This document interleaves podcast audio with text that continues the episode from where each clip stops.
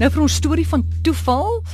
Die man wat hierdie brief geskryf het, sê hy gebruik fiktiewe name om onskuldige geliefdes te beskerm.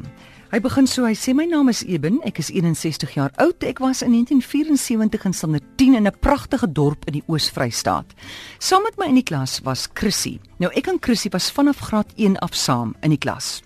Chrissy het uit 'n skatryk huis gekom. Haar ouers was gesiene mense in die gemeenskap. Ek daarenteen het aan die verkeerde kant van die spoorlyn grootgewoon, groot geword.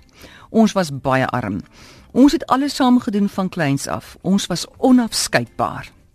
So die jare aangestap En ons het deur dik en dun bymekaar gestaan, ek en Chrissy. Ons het as tieners saam leer dans, was ook saam na die matriek afskeid en daai aand het ek haar vir die heel eerste keer gesoen.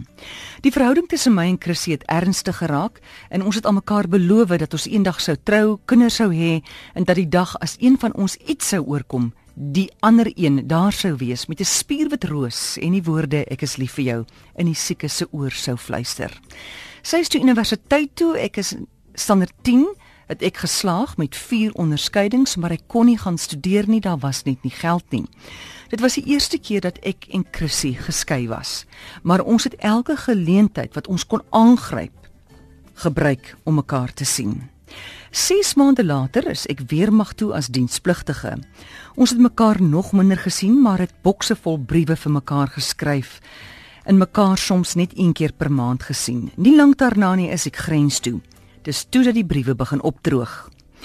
Ek ontvang toe 'n brief van Chrissy se pa en hy het my meegedeel dat Chrissy in Amerika verder gaan studeer het en dat die familie my nie naby haar wou hê nie en dat ek ook asseblief nooit moes probeer om haar te kontak nie. Hy het ook genoem dat sy iemand anders ontmoet het en hulle is verlief en dat sy nou net nie die moed het om myself te vertel nie. Jong, ek het jare lank getreur oor Chrissy. Intussen het ek gehoor sy's getroud. Dit was 'n groot skok, maar die lewe het aangegaan. Ek het ook iemand ontmoet. Ek het getrou. Ons kon ongelukkig nie kinders hê nie, maar ek het 'n wonderlike vrou getrou. Ons het mekaar bygestaan, ondersteun en liefgehad en ek het nooit weer van Chrissy gehoor nie. Of was ek baie lief vir my vrou, het ek deur die jare baie aan Chrissy gedink en daar was altyd 'n gemis in my lewe. My vrou het skielik siek geword en is oorlede so 2 jaar gelede. Nadat ons 38 jaar lank getroud was. 2 jaar later het ek ook siek geword en die dokter het my meegedeel ek het ongeveer 6 maande oor om te leef. Een middag tydens my besoek aan die onkoloog, toe ek uit my motor klim, merk ek iets op wat half onder 'n voertuig voor my lê. Ek het gebuk, dit uitgehaal en tot my verbasing agtergekom dis 'n beursie.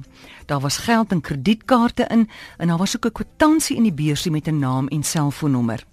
Ek het die nommer geskakel en 'n jong dame het geantwoord. Sy sê haar naam was of haar naam is Anita, dis ook al die nommer wat ek gebel die naam wat ek gebel het. Sy sê dis haar beursie en sy was oorstelp van vreugde.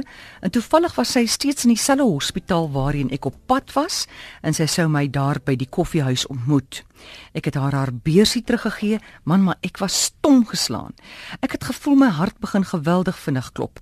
Die sweet in my lyf het uitgeslaan. Ek het lighoofdig en naar gevoel want hier voor my het Chrissy se ewebeeld gestaan. Sy sê toe dat ehm um, sy sien ek voel effe sleg en sy drink toe aan om vir my 'n koppie tee te koop. En ek kon dit nie glo nie. Terwyl ons tee drink het sy land en sand gesels en sy was ook baie hartseer want haar ma het in dieselfde hospitaal op sterwe gelê en sy noem toe dat haar stiefpa 'n jaar gelede oorlede is. Toe sy haar ma se naam noem, het ek amper van die stoel afgeval. Dis Chrissy, my Chrissy. Ons het mekaar gegroet. Ek is na my dokter toe. Na die tyd het ek by die hospitaal verneem in watter saal en kamer Chrissy was en ek het 'n spierwit roos by die hospitaal se blommewinkel gekoop en is dadelik daarheen. Toe ek by die kamer inkom het Chrissy daar gelê, nog mooier as toe ek haar laas in lewende lywe gesien het amper 40 jaar gelede.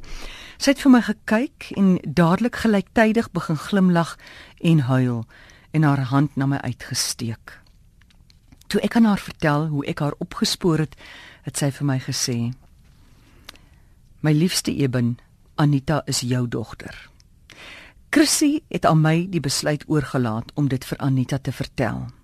Chrissy het Anita na my ouma vernoem. Chris het alles aan my vertel. Hoe sy uitgevind het sy is swanger, hoe haar ouers haar oor see gestuur het om die baba, dis nou Anita se geboorte af te wag ten einde die skandaal weg te steek, hoe hulle ook Amerika toe verhuis het.